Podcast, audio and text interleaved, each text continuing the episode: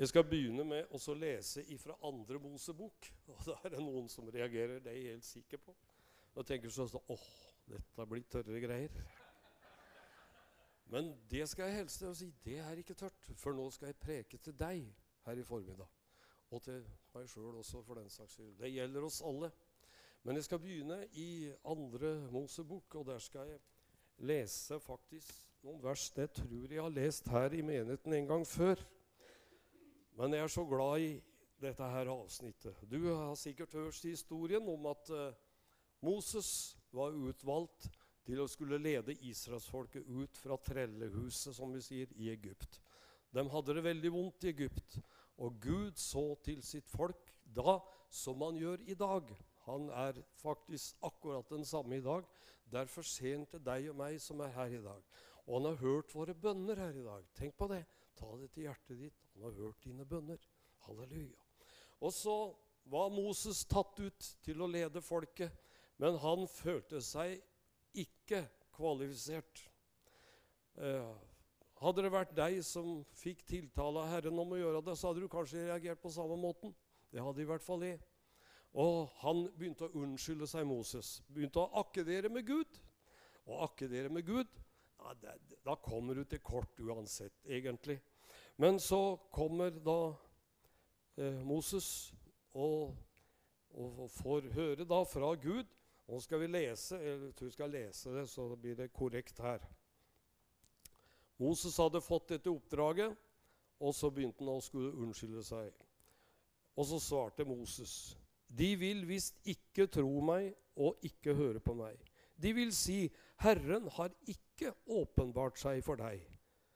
Da sa Herren til ham, og hør nå, hva er det du har i hånden? Han svarte, en stav. Da sa han, kast den på jorden. Han kastet den på jorden, og da ble den til en slange, og Moses flyktet for den. Herren sa til Moses, rekk ut hånden og grip den i halen. Så rakte han ut hånden og grep den, og den ble til en stav igjen i hånden hans. Hva har du i hånden? sa Herren til Moses. Og så svarte han som sant var, en stav. Var det noe å ha, da? Var det noe så voldsomt? Den gangen så betydde en stav ganske mye. Men du, nå skal jeg si en ting med en gang. Vi har alle fått en stav. Noe som er spesielt for deg, det var spesielt for Moses, og det er spesielt for deg. Den staven du har. Og nå skal jeg prøve å si litt her i formiddag, sånn at du begynner å reflektere om hva slags stav, billedlig talt, er det jeg har.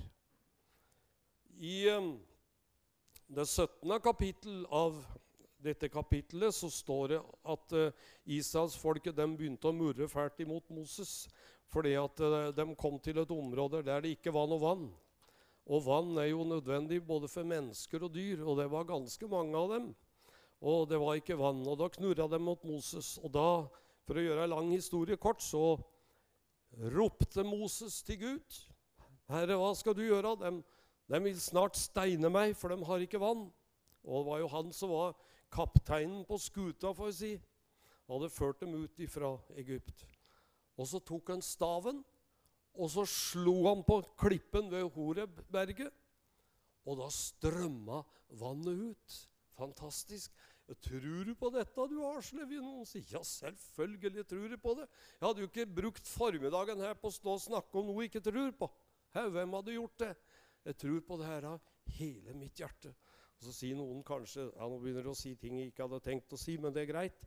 Og ville kanskje noen si ja, du tror vel på jomfrufødsel òg, du da, kanskje? Ja, selvfølgelig gjorde det. Jeg tror på at Han som har skapt alt rundt oss, og Han har faktisk skapt deg, og Han har skapt meg Jeg tror at Han klarte å la sin sønn bli født gjennom denne jomfrua ovenfra Nasaret. Halleluja. Jeg tror på det. Og jeg tror på at Jesus sto opp fra de døde.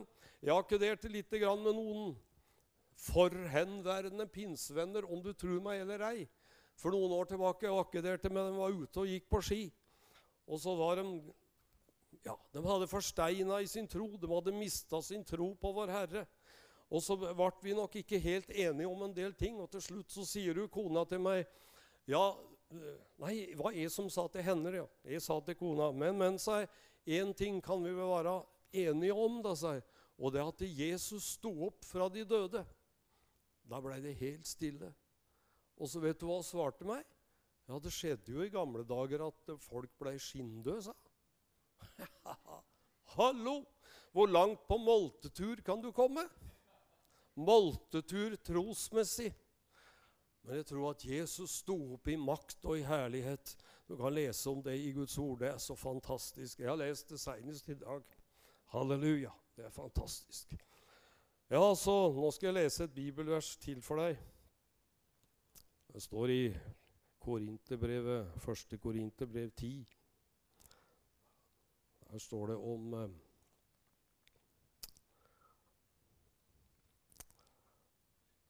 Der står det De drakk alle sammen ja, jeg skal ta med. De åt alle den samme åndelige mat da de gikk der i ørkenen. De fikk manna fra himmelen, vet du. Og så står det Og de drakk alle den samme åndelige drikk. For de drakk av den åndelige klippen som fulgte dem, og klippen var Kristus. Så allerede her i andre Mosebok så har du profetien om Kristus. Moses han slo på klippen, og vannet strømma ut, og folk og fe fikk drikke og drikke seg utørst. Og da tenker jeg på når Jesus sto fram og sa, 'Den som tørster, han kommer til meg og drikke'. Og det lyder også i dag, du som kjenner at det er tomhet i livet ditt hvis du skulle være her. Kjenner at det er noe du mangler i livet ditt. Kom til Jesus og få livets vann uforskyldt av bare nåde. Halleluja. Livets vann. Halleluja. De drakk av den åndelige klippen som fulgte dem, og klippen var Kristus. Det står at de alle gjorde det, og da håper jeg at vi alle som er her i dag, kan nyte av det vannet. Halleluja tenker på hun som kom ved Sykars brønn, som står med Johannes 4, og som levde nok litt på kanten, for å si det rett ut. Og det, det er så sin sak. Hun levde helt på kanten, men så møtte hun en som visste veldig godt åssen hun levde også. Og så fikk de ei samtale der, og så fikk hun høre om det levende vann. Og det resulterte i at hele byen blei frelst. For da sprang hun inn til byen, og så sa jeg har møtt en som har sagt meg alt jeg har gjort. Han skulle vel ikke være Kristus? Ja, hun stilte spørsmål, og sannelig fikk hun lov å erfare at han var Kristus. Halleluja. Så drikk av den åndelige klippen. Drikk av det rette vannet. Pris ikke ut. Nå skal jeg, Før jeg går videre, nå, så skal jeg vise fram der bak bak der så ligger det ei brosjyre som er utarbeida av leder, lederrådet her i, i, menigheten. Og der slår det 'Ditt veikart til et rikere liv'. Ditt veikart til et rikere liv. Og en del av det som står her, skal jeg berøre i dag. Og har vel delvis allerede gjort det. Men jeg skal fortsette litt etterpå. Og Du må gjerne ta med deg en sånn brosjyre hvis du vil. Det kan være en del av dere som ikke har vært der før, eller som kanskje ikke har vært på uh, de foregående gudstjenestene her, der dette emnet er belyst. Og så har vi forskjellige emner, da, for, ikke forskjellige emner for så vidt, men vi har litt forskjellig uh, fokus på forskjellige gaver og tjenester i hver gudstjeneste. Og i kveld så, Nei, i kveld, det er på formiddagen nå nå i formiddag, så eh, skal jeg si litt etter hvert om det som heter barmhjertighetsgaven. Jeg skal si litt om det. Men jeg skal gå litt videre først, før jeg går rett inn på det. Jeg skal ta og lese fra Lukasevangeliet 6. Lukas 6. Der er en kjent beretning.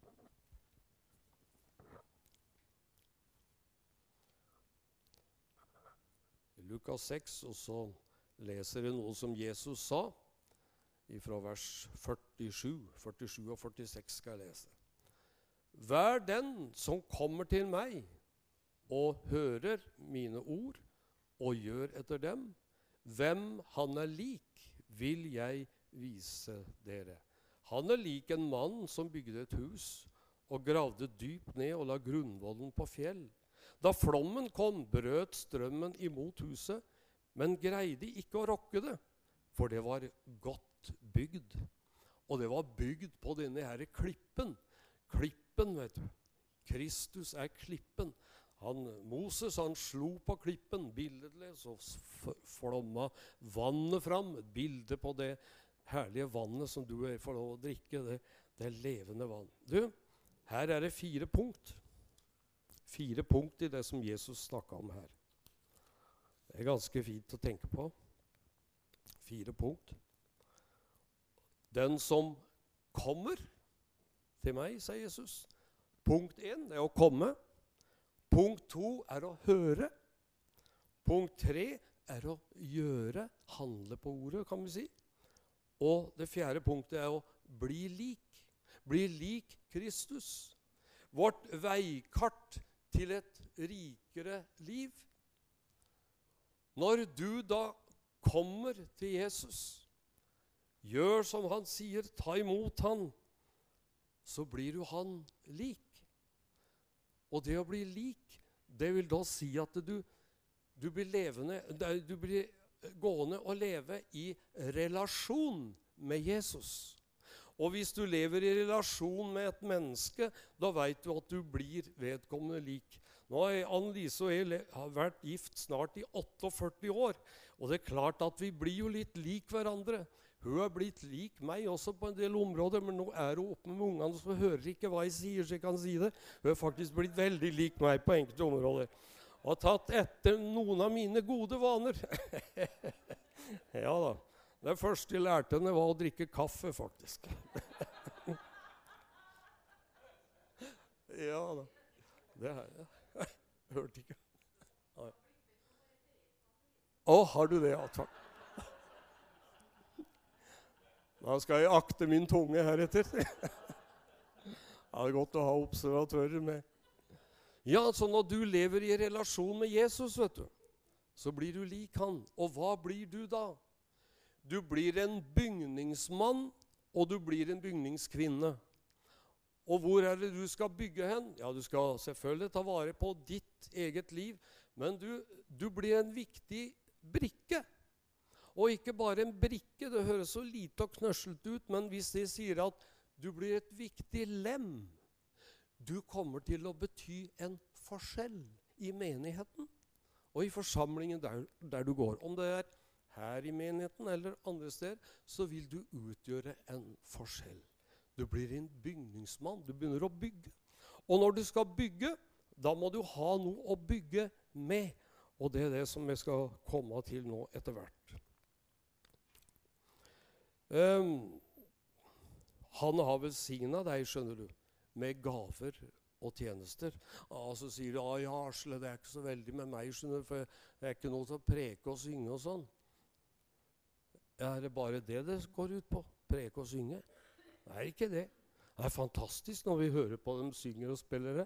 Kan du ikke gi dem en liten ekstra klapp, dem som har syngespilt her i formen? Fantastisk. ja. Og du, du skjønner at Sang og musikk det er en av gavene. Jeg hadde ikke tenkt å komme inn på noe, men nå kommer det dette.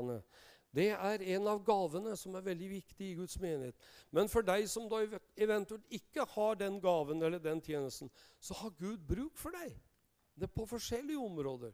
Og når det gjelder gaver og tjenester i Guds rike og i menigheten, så er det veldig vanskelig å sette noe sånn skille mellom ja, hun har den gaven, og han har den gaven, og her Og så er det liksom et skille mellom det. Det er liksom veldig gruppert opp. Det er egentlig ikke det. Fordi at alle gavene i menigheten og i Guds rike, det er liksom en familie. Vet du hvorfor? For alle gaver er gitt av den gode, hellige ånd. Halleluja. Derfor er det like viktig, dem som står og lager mat og vasker opp på kjøkkenet, som Åsmund, som er kapellmester for sangerne og musikerne her. Det er akkurat like viktig, begge delene. altså.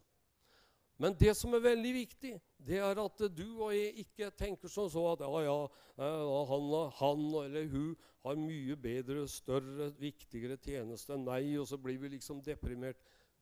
Det må vi ikke bli. Ta vare på den gaven du har, hvis du har funnet ut hvilken gave du har.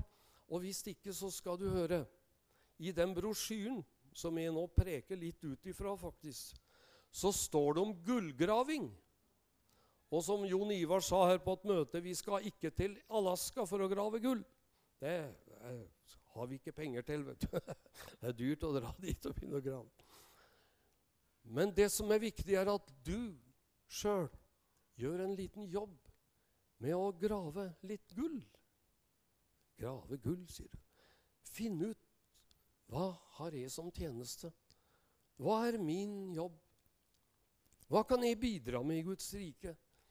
Og da er det veldig viktig at ikke din, dine tanker om deg sjøl er så lave, og du har så liten selvtillit at du ikke våger å kanskje gå til noen i lederskapet, til forstanderen eller noen du har tillit til, og si at 'jeg kan tenke meg faktisk å hjelpe til med det eller det'. Jeg kan kanskje funke til ditt eller datt. Du veit sjøl hva det eventuelt er. For nå skal jeg si deg en ting. Gud han kaller ikke deg til noe annet enn det du kan fungere i. Så det, det er helt sikkert. Hvis da at ja, det, ja, jeg holdt på å si, jeg kan ta mange eksempler, men dette skjønner du sjøl. Jeg har en god venn som heter Hans Inge Fagervik. Han er sikkert noen her som vet hvem han er. Han skrev ei vise for mange år tilbake om uh, at folk ville absolutt reise til Afrika hvis de skulle, skulle bli misjonærer og evangelisere. og sånn. Men det var ett sted de ikke ville reise for å evangelisere, og det var til Nord-Norge. Så Hans Inge han skrev jo denne fine visa bare, bare, bare ikke nordover, bare, bare ikke nordover, osv. Og, og, så, og så går det videre da i visa. Gud, send meg gjerne til Afrika, bare ikke nordover. men det hender nok at noen får kall nordover, men da kjenner de at Gud har kalt dem. Nå er tidene litt annerledes enn det var den gangen han skrev denne visa. Så eh, det, det er noe sånn. Men Gud han kaller det til ting som du er i stand til å fungere i. Ja, prise Gud. Og Når du begynner å grave etter gull, så kan det hende det er litt sånn rusk og rask, kanskje, som skal fjernes først. Før du kommer ned liksom finner gullet, muligens. Så tenker du som så at ja, er det synd i livet mitt, mener du? Nei, det er ikke det jeg sier. Tilhører du Jesus, så er det ikke synd i den forstand i livet ditt. Da tilhører du Jesus. Men det kan hende det er ting du må endre på, kanskje. Dette finner du ut av sjøl. Dette er ikke likt for meg og deg. Dette er veldig forskjellig. Men du finner ut sjøl hva må du bidra med å grave opp for å finne dette her gullet som fins i livet ditt. Halleluja. Nå skal jeg lese fra Romerne 12. Det var egentlig det jeg skal lese ifra, men det blir litt prat, vet du. Skal jeg lese her. I Romerne 12, ifra det tredje vers. For ved den nåde som er gitt meg, sier jeg til hver og en blant dere, at en ikke skal gjøre seg høyere tanker enn rett er, men en, men en skal tenke sindig i forhold til det mål av tro som Gud har tilmålt hver enkelt, som vi nevnte i stad. For, for, på ett legeme har vi mange lemmer, men ikke alle lemmene har samme gjerning. Slik er vi også ett lem i Kristus, enda vi er mange, men hver for oss er vi hverandres lemmer. Så jeg kan ikke si til hånden fordi jeg ikke er en fot, så, så sier Ja, da kan ikke hånd si for det ikke er fot, så vil ikke høre med til legeme osv. Så, videre, så kan du bruke dette bildet videre. Du utgjør en forskjell i Guds rike, og så er du kanskje ikke klar over det sjøl. Og mange har lett for å tenke liksom så smått om seg sjøl. Jeg har ei god historie oven til Hallingdal. Det er en god venn der oppe som heter Arne Hådfeit på Herman Øyfjellsenter. Han eh, er ikke farlig å fortelle denne historien. Han har ei faktisk ei gripende flott historie om ei ung jente for en del år tilbake som de fikk i jobb der. Og hun hadde så lite tro på seg sjøl. Det var det som var hennes sperre for å finne gullet i sitt eget liv.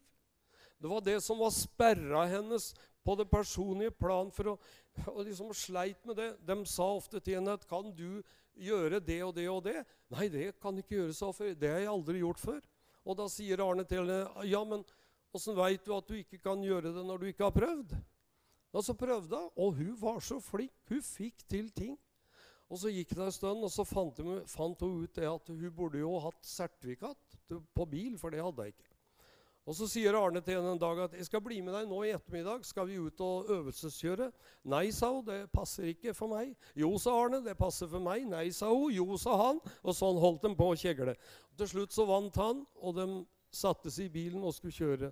Hun hadde kjørt traktor hjemme på gården, så hun kunne kløtsje og gire og sånn. Det kunne hun. Så de kjørte et stykke og, og greier. Og dette gikk etter måten ganske bra. Og Så sier Arne at nå skal vi opp på riksveien, sånn, så skal vi kjøre en tur innover fjellet. Nei, sa hun. Jo, sa han. Nei, sa hun. Ja. Og sånn drev det. Men Arne fikk viljen sin, og hun kjørte langt innover fjellet og tilbake. Et år etterpå så kjørte han minibuss i kommunen. Ja, ja. Bare fordi at noen pørsa litt på og grava opp litt gull som jeg ikke visste at jeg hadde. Og det kan hende du sitter her, du også, som har ting du kanskje tenker kunne kanskje bidra med det eller det. Så skal du kjenne etter det her. Kanskje Gud vil ha deg inn i en eller annen oppgave som du ikke før har fungert i. Noe som du begynner å oppdage når du begynner å tenke på dette, disse her tingene som vi uh, nevner her nå. Så er det dette med barmhjertighetsgaven. Og som vi sa i stad Barmhjertighetsgaven. Det ligger jo i ordet, ikke sant? Barmhjertighet. Diakonia står det i grunnteksten. Og apostlene på, i den nytestamentlige tid de lagde opplegg for diakonia vet du, med matutdeling osv. Så, videre, og så, videre. så det å være diakon, det er noe flott nå. Nå sier ikke jeg at du skal bli diakon, men det kan hende at noen her kjenner at ja, den gata der, det ligger for meg. Det er noe som jeg har kjent, tenkt på lenge. Så skal du begynne å be over det. Og nå skal du høre. Barmhjertighetsgave. Nå har jeg sjekka litt på grunnteksten. Og det er litt interessant. Vi har noe fint som heter Studiebibelen. vet du. Der kan du finne ut en del. Og, og der står det bl.a.: Barmhjertighetsgaven. Den som viser barmhjertighet, må gjøre det med glede. Med glede. Noen som tenker at ja, jeg får vel ta en tørn og gjøre det og det. og Jeg får vel, da, jeg har ikke så lyst, men jeg får gjøre det og det. Du, Det blir det aldri noe hjelp av. altså. Vet du hva det står i Guds ord? Det er Han som gir dere å ville og virke til Hans velbehag. Om du sier til meg i dag at Asle, jeg føler for at du skal reise til Sibir og evangelisere, da har du steinhogd, altså. Det, det, har ikke Asle kjent i hjertet sitt. Men hvis jeg hadde kjent det i hjertet, så er det helt sikkert at jeg kjent Å, så fint at noen kommer og sier det, for det jeg gått og tenkt på så lenge. Jeg kjenner at Gud kaller meg til Sibir. Jeg syns det er kaldt nok her. altså. Unnskyld. Ja, ja.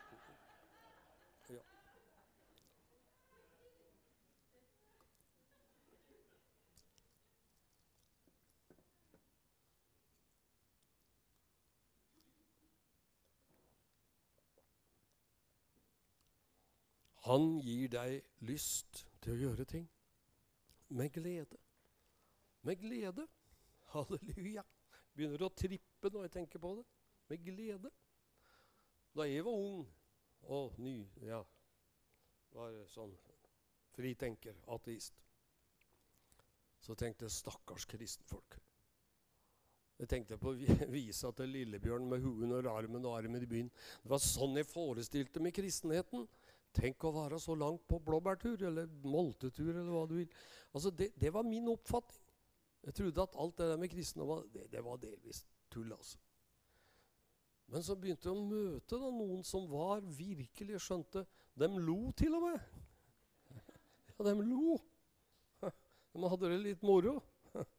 Noen som trodde at vi kristne ikke kan ha det moro, men da, da har du ikke vært på innsida av kristenfolk, altså. Jeg har aldri ledd så godt som av kristenfolk, holdt jeg på å si.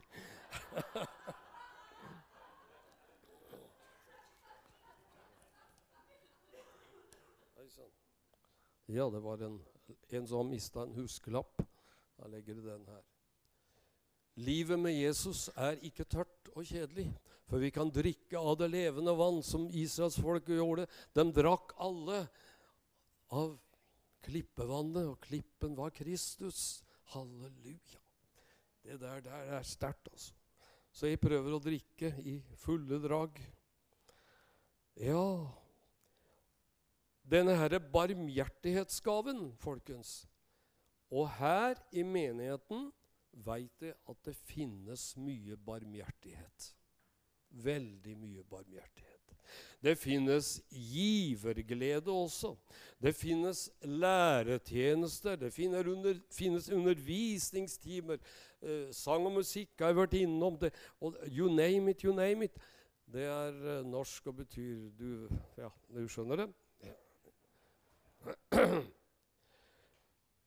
Så du kan ikke si som så at ja, barmhjertighetsgaven det er en helt sånn spesiell gave, isolert i den og den båsen med deg og deg grensene rundt. Nei, vi jobber alle sammen i hop.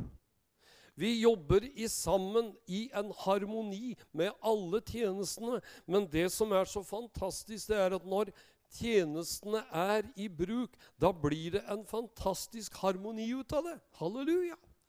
Det blir som et symfoniorkester altså, som du kan sitte og høre på. Du, du hører denne fantastiske Ja, jeg kjenner sånt i mellomgulvet når jeg hører et sånt fantastisk symfoniorkester. Men du, det er et bilde på menigheten. De drakk, de åt alle av den samme åndelige mat. De drakk alle av den samme åndelige eh, kilden, altså klipp, eh, klippevannet. Kristus. Halleluja. Og så kjenner vi vi får lov å drikke av det der. Halleluja. Prise Gud. Ja da. I grunnteksten så står det om, om denne her barmhjertighetsgaven, så står det 'Den som er øvende barmhjertighet', står det i grunnteksten der. Uh, og grunnbetydningen av den gaven, barmhjertighetsgaven, det er å gi, står det. Å gi, formidle noe av sitt eget som man har mottatt fra Gud, til beste og oppbyggelse for andre.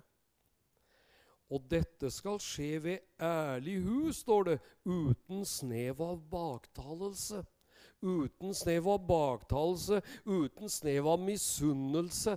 At jeg skal misunne noen for gaven den eller han eller henne har, eller motsatt. Det skal være en harmoni. Fordi at eh, når du bidrar med dine ting og jeg med mine, så utfyller vi en stor helhet. Og legemet fungerer komplett. Halleluja. Det er det som er tanken bak det hele her. Halleluja. Så barmhjertighetsgaven griper inn i veldig mange ting. Nå tenker vi kanskje veldig mye Når du sier barmhjertighet, så tenker kanskje noen at eh, Jeg må titte litt på klokka. Så tenker kanskje noen at ja, det å gi masse penger Ja, det kan også være det. Jeg husker jo en gang eh, som noen, de fleste her kanskje vet, så er Anne-Lise og jeg en del engasjert i den skandinaviske turistkirka på, på, Gran Canaria.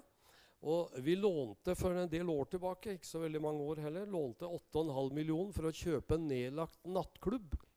Og, og per i dag så er gjelda kommet ned på 3,7 millioner. Og det er bare frivillige gaver hele veien.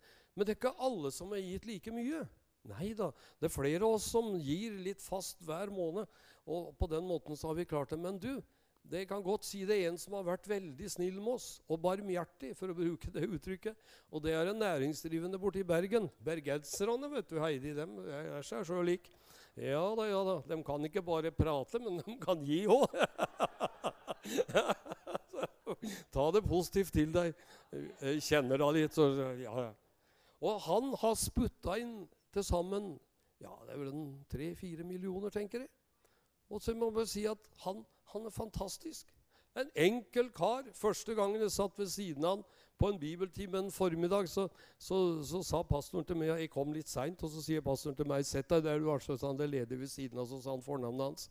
Der satt en enkel kar som jeg ikke kjente, i ei T-skjorte og en shorts. Og shortsen var ikke helt rein heller, forresten. Det var litt sånn rart. Og jeg satt nå der, og bibeltimen gikk sin gang.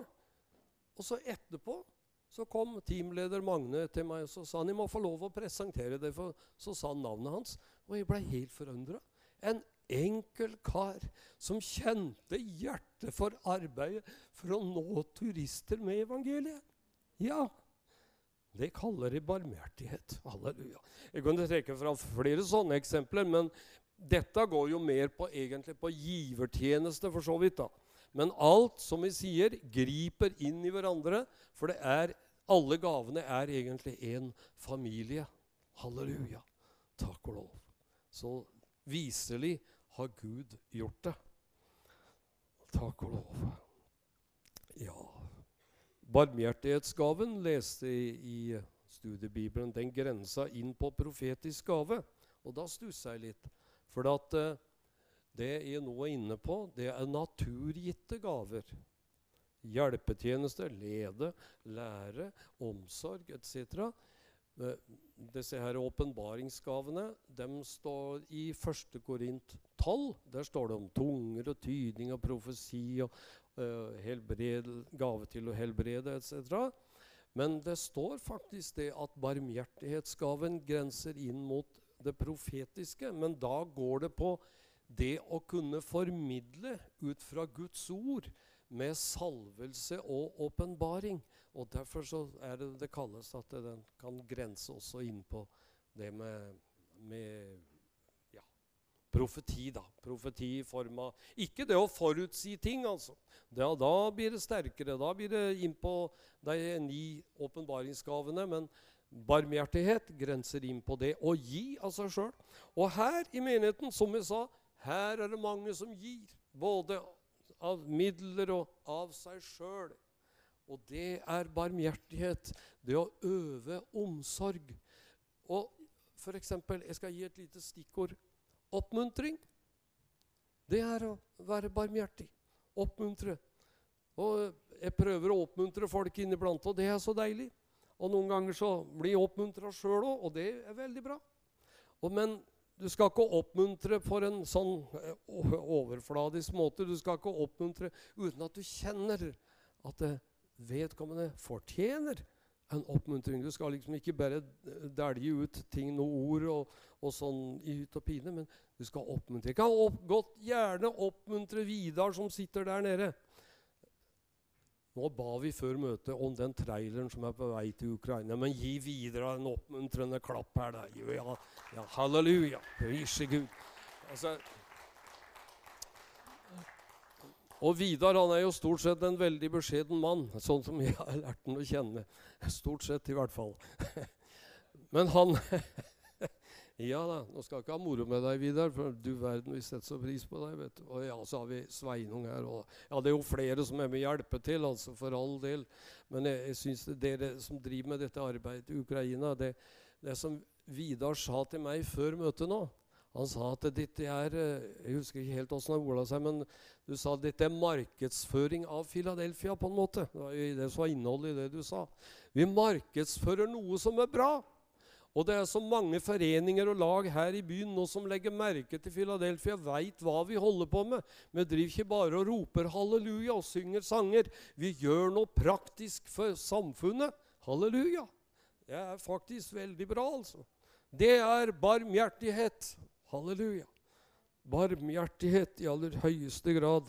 Du, husk på staven, da. Staven. Hva er din stav? Du kan kanskje være med neste gang og hjelpe til å lesse opp en trailer. Da bruker du litt av din styrke og din kraft. Jeg har vært med på det, og det er velsigna arbeid. vet du. Veldig velsigna. Kommer hjem sliten og vondt i ryggen, holdt jeg på å si. Men, men, da har du brukt staven, vet du. Din, din uh, lyst og evne til å kunne hjelpe til. Prise Gud. Nå skal du gjøre noe rart. Institutt for naturlig menighetsutvikling. Har du hørt om det før? Ja, sa Tore. Han har hørt om det. Der, der blei det gjort en undersøkelse for noen få år tilbake blant 1200 kristne menn og kvinner. 80% Hør. 80% av mennene og kvinnene visste ikke deres, hva deres nådegave var. Eller hva deres tjeneste var, om du vil. Men 20% oppga at de var klar over sin gave og brukte den. Den brukte altså staven. Hadde de vært ute på gullgraving, kanskje? Ettersom de visste om gaven sin. Jeg tror jeg veit så noenlunde hva min gave er. Jeg kanskje kan noen kalle meg potet en gang iblant. Det er Kanskje fordi jeg er ganske liten av vekst. kan gjøre litt av hvert, egentlig. Men det er også en del ting som ikke er min gave. Og det skal du også tenke på. Det, det kan, hvis du ikke kjenner liksom at dette ligger i løypa for meg, så, så, skal du være klar over det. Men, men så skal du høre. Jeg må ta med litt mer av det her. Det er litt sånn interessant. Altså Hvert lem har en gave å tjene med. Hvert lem. Alle har et eller annet. Så du må ikke tenke nå at ja, 'Nei, jeg har ingenting. Jeg har ingenting.' Jo, du har det. Derfor trengs undervisning, heter det. Det trengs undervisning, slik at flere At denne prosenten på 20 skal øke kanskje til ja, Den burde øke til 100, da, egentlig. For alle har en gave, en tjeneste. Og når alle disse herre kommer i bruk, da blir det en harmoni og en enhet. Nå er ikke målet fra vår Herres side at vi skal bli like.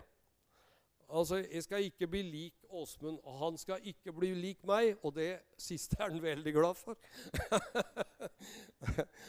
jeg kan spøke litt, men for jeg kjenner han litt. Så, men det er ikke meninga at vi skal bli like. For det som skjer når folk skal prøve å bli like eller kopiere hverandre, det er at det blir en haug med dårlige apekatter. Det er det som blir resultatet da. Da, jeg har sett noen eksempler gjennom livet på det at de prøver liksom Skal vi like den og den predikanten eller den artisten eller, eller et eller annet sånt? Det blir det aldri noe hjelp på. Alle må være som de er, for du er skapt av vår Herre sånn som du skal være. Og det er ikke sant at du er skapt til noe annet kjønn eller et eller annet enn sånn som du er skapt. Er du skapt som kvinne, så er du kvinne. Er du skapt som mann, så er du mann. Jeg håper alle er enig i det der.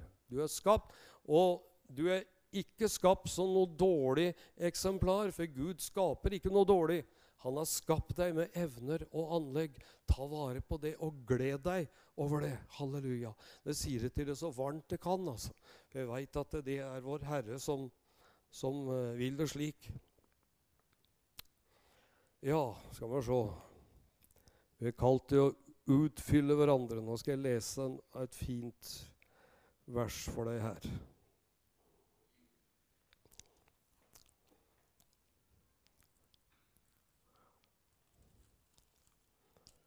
Det står i Peters første brev 2, fra vers 4. Der står det Kom til ham, den levende stein. Den levende stein, ja. Som ble vraket av mennesker, men er utvalgt og dyrebar for Gud. Og bli også selv oppbygd som levende steiner til et åndelig hus, til et hellig presteskap, til å bære fram eh, åndelige, åndelige offer, slike som er Gud til behag ved Jesus Kristus. Levende steiner til et åndelig hus. Så du er en levende stein. Og så kan du ikke bare ta steiner og legge oppå hverandre. og Det må til noe mer enn bare, bare stein på stein på stein. Sjøl om de er levende, egentlig. Vet Du hva du må ha? Du må ha litt sement. Du må ha noe bindemiddel. Vet du hva det er? Det er kjærligheten. Halleluja. Kjærligheten som Gud har gitt i hjertet ditt, og som binder oss sammen. kjærligheten, halleluja, så er vi forskjellige steiner, vet du. Med forskjellige oppgaver og tjenester. Og til til sammen så utfører vi et legem, et Kristi legeme på jord i 2023. Det er ganske fantastisk. Midt i en verden der umoral og, og eh, vrangforestillinger og vranglærer og alt mulig rart florerer, så kan du og jeg få lov å være et legeme som tilhører noe stort og himmelsk. Er det overdrivelse, det jeg sier nå? Nei, det er det ikke, sier jeg jorden her. Det er det ikke. Det er akkurat det som er sannheten. Halleluja. Du tilhører noe stort. Nå skal jeg lande snart. Nå må jeg gjøre som Åge Åleskjær pleier å si. Jeg skal legge ut flapsen. ja.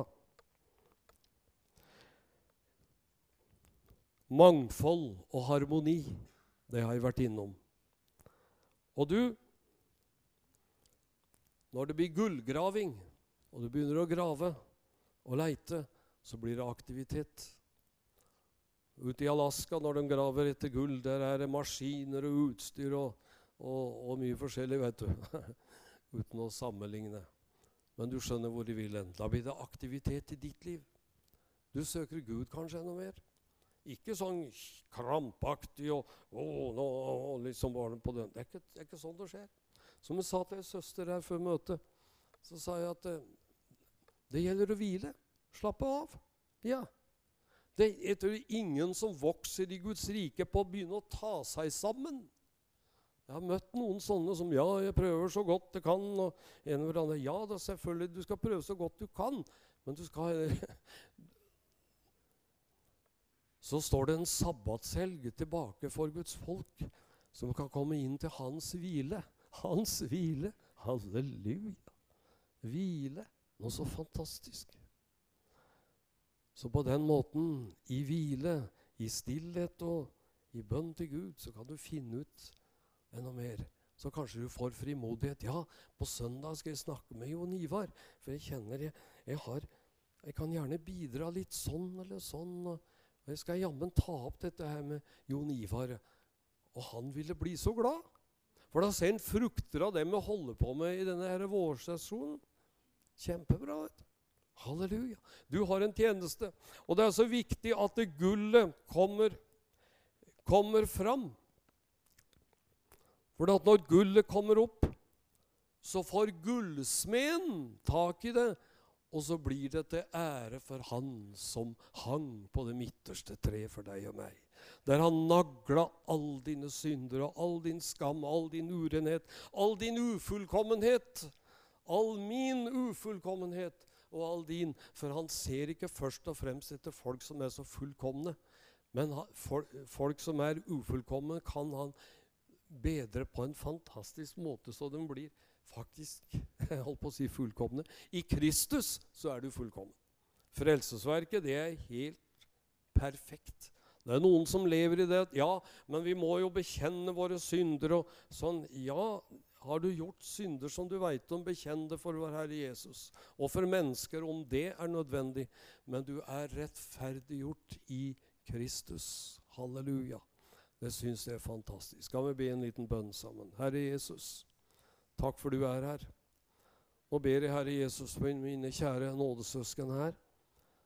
La hver enkelt få kjenne at du har gjort dem verdifulle. Juveler.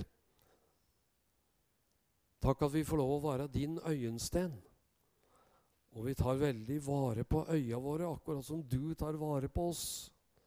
Så la hver enkelt få kjenne hva er det jeg skal bidra med? Hva er det jeg skal? Herre Jesus, la noen få oppdage noe i livet sitt i dag. La noen få kjenne at ja, Herre, kan du bruke meg i det, så vil jeg så gjerne bidra. Jeg vil så gjerne være med å bidra litt slik og litt slik jeg kjenner. Har så lyst til det, Herre Jesus. Så kjenner du sjøl i hjertet ditt hva du skal. I Jesu Kristi navn. Amen.